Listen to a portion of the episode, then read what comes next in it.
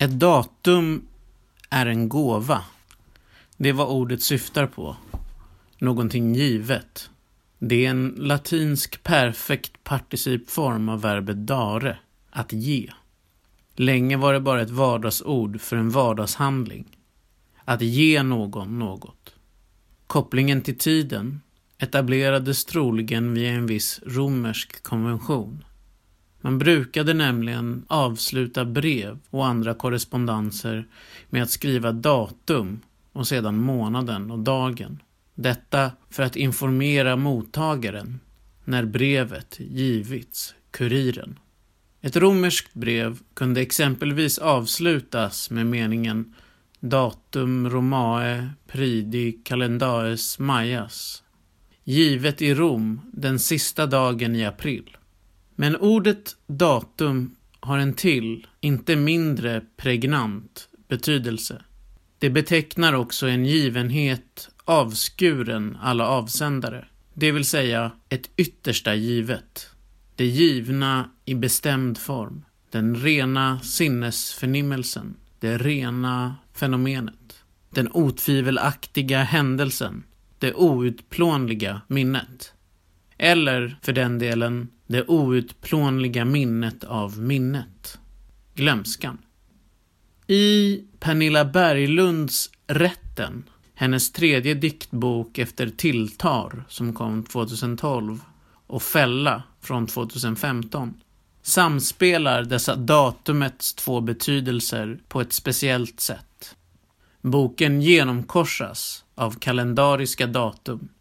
De är som små rubriker, eller titlar, bestämmer textens tempo, förankrar dess struktur. En dagbok? Ja och nej. Å ena sidan är det ett tydligt jag som talar. Ett jag vars utsagor tillsammans bildar tidsförloppets index. Det första nedtecknade datumet är 25 i 8 2013 och det sista första i 7 2017. Å andra sidan är det som att tiden som sådan, den nästan fyra år långa kronologi som samma datum ramar in, framstår som betydelselös. Som om det som sades under den här perioden lika väl kunde sagts under en vecka eller en dag. Att det förhåller sig på det här sättet beror på att ordens riktning är så stark. Att det är en bestämd någon, ett bestämt du, som tilltalas. Faktum är att jagets tal är ett kontinuerligt försök att svara, att ta plats som en svarande, hävda rätten att göra just det. Duet är en far, eller minnet av en far, eller minnet av en far som kanske aldrig riktigt var en far.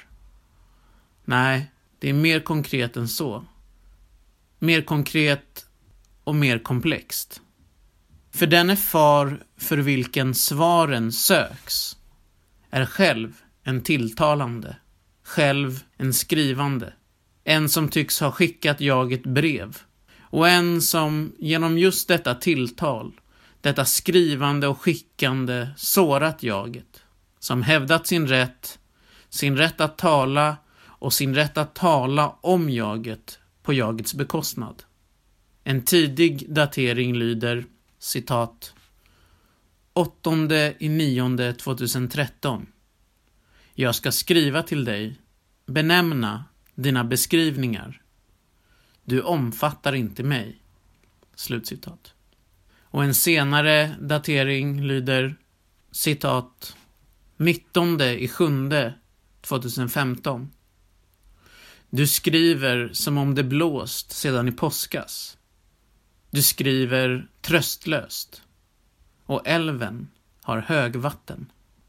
Slutcitat. Och en datering ytterligare lite senare lyder citat 30 i femte 2017. I dina minnen finns inget av det jag beskrivit. Slutcitat. Jag fastnar i tröstlösheten, i det tröstlösa skrivandet. För duets, eller faderns del, handlar det kanske, som det heter på ett ställe, om att citat Rädslan för känslan är större än känslan själv, slutcitat, och om en citat onåbarhet i det inre, slutcitat, som är citat en förbannelse, slutcitat. Och för jaget, barnet, handlar det kanske om att detta varit allt. Att tröstlösheten saknat konturer, att den saknat utsida.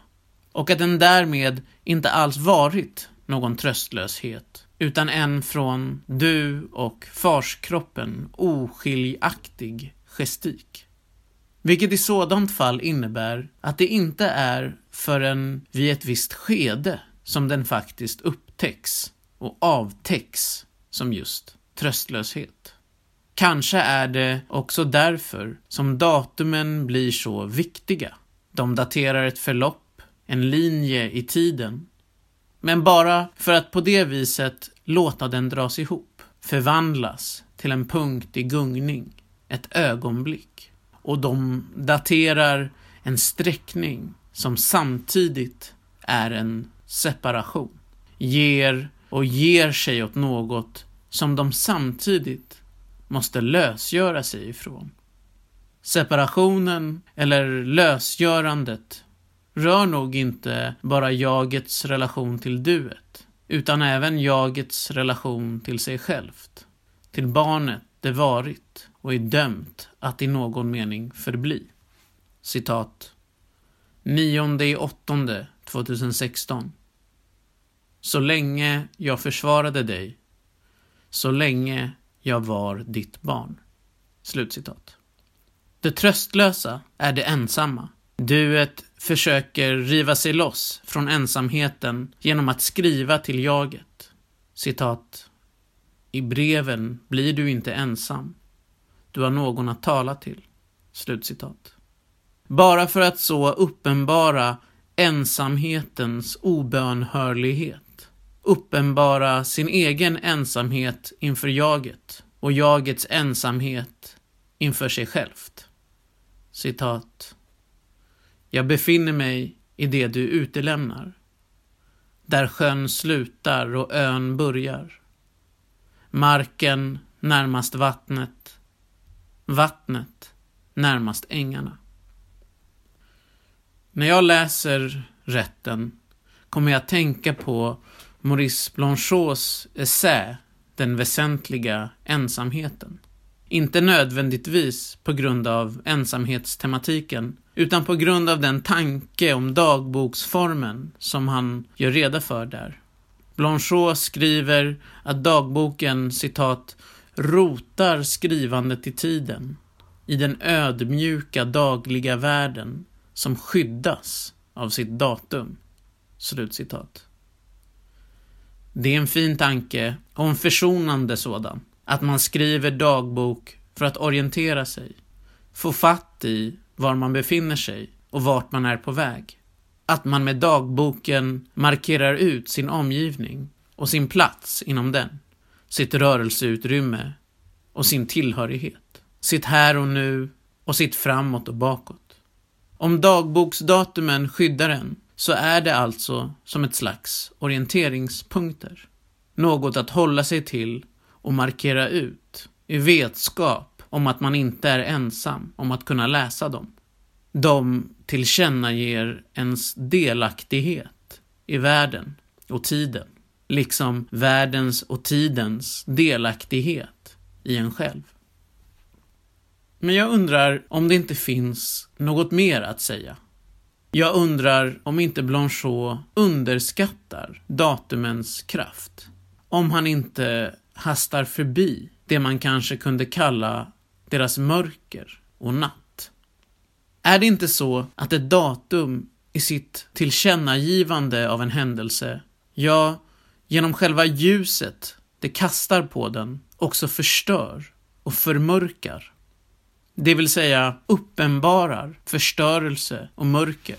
Om än bara som något att undkomma.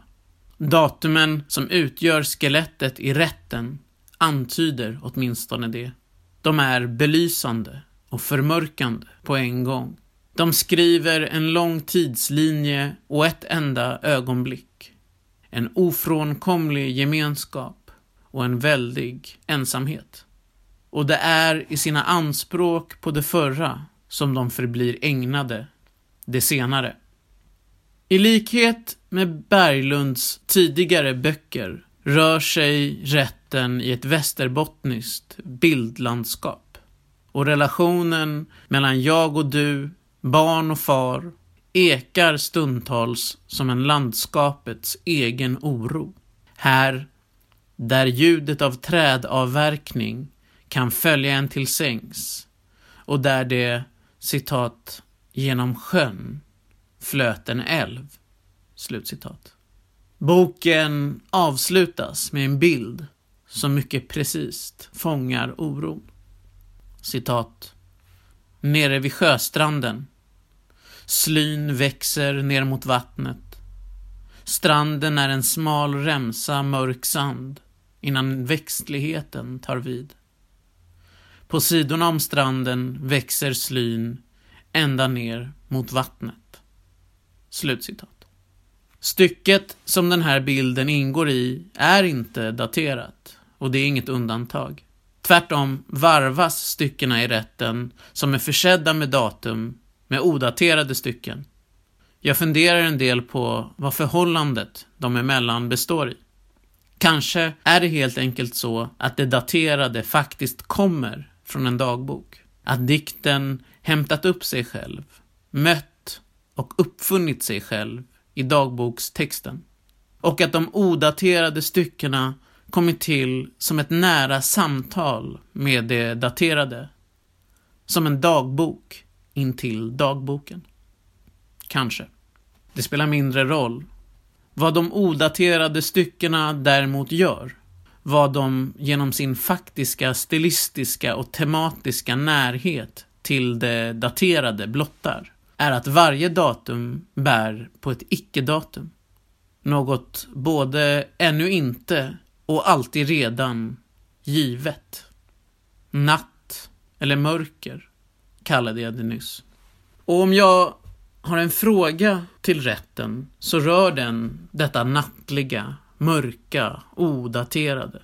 Jag undrar om inte boken hade kunnat ägna sig åt det en bit till. Ta ordet våld som förekommer flera gånger. Det lyser upp som ett tema. På ett ställe talas det om att duet, citat, kastat någon ut i snön, slutcitat.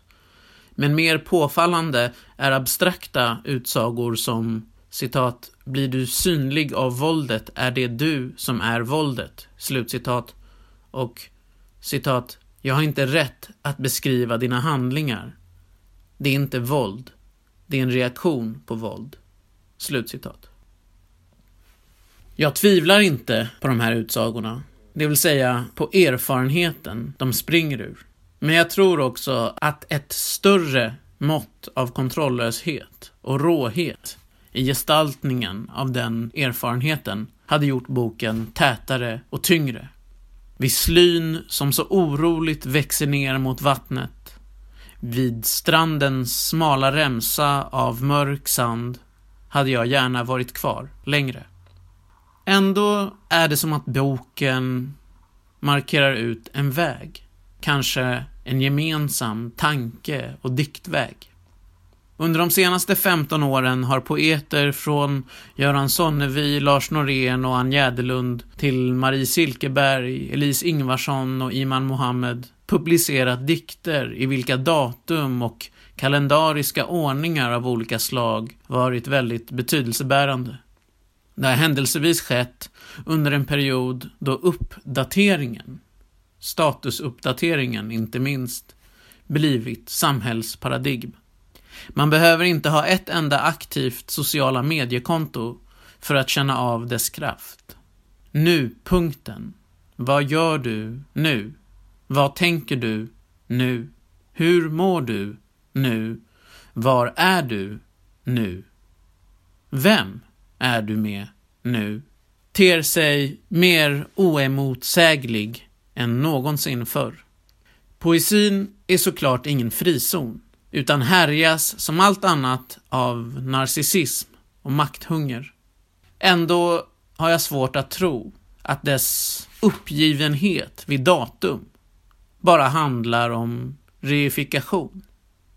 Vad vore meningen med det när 99 dikter av 100 är rena minusaffärer? Förhållandet är nog snarast det omvända. Att det man ser i poesin, i dess ihärdiga, ibland paniska, ibland neurotiska sökande efter och markerande av något slags nu, i dess ihärdiga daterande av ett sådant, är en mycket tystlåten, knappt synlig sammandrabbning med viljan som till varje pris exponerar och exploaterar det. Det betyder förstås en sammandrabbning med oss själva. En sammandrabbning genom vilken dikten kan säga till jaget att nuet är mer än en punkt. Dagen mer än en dag. Ljuset mer än ett ljus och jaget mer än ett jag. Jag tror att det är någonting i stil med det som också rätten säger.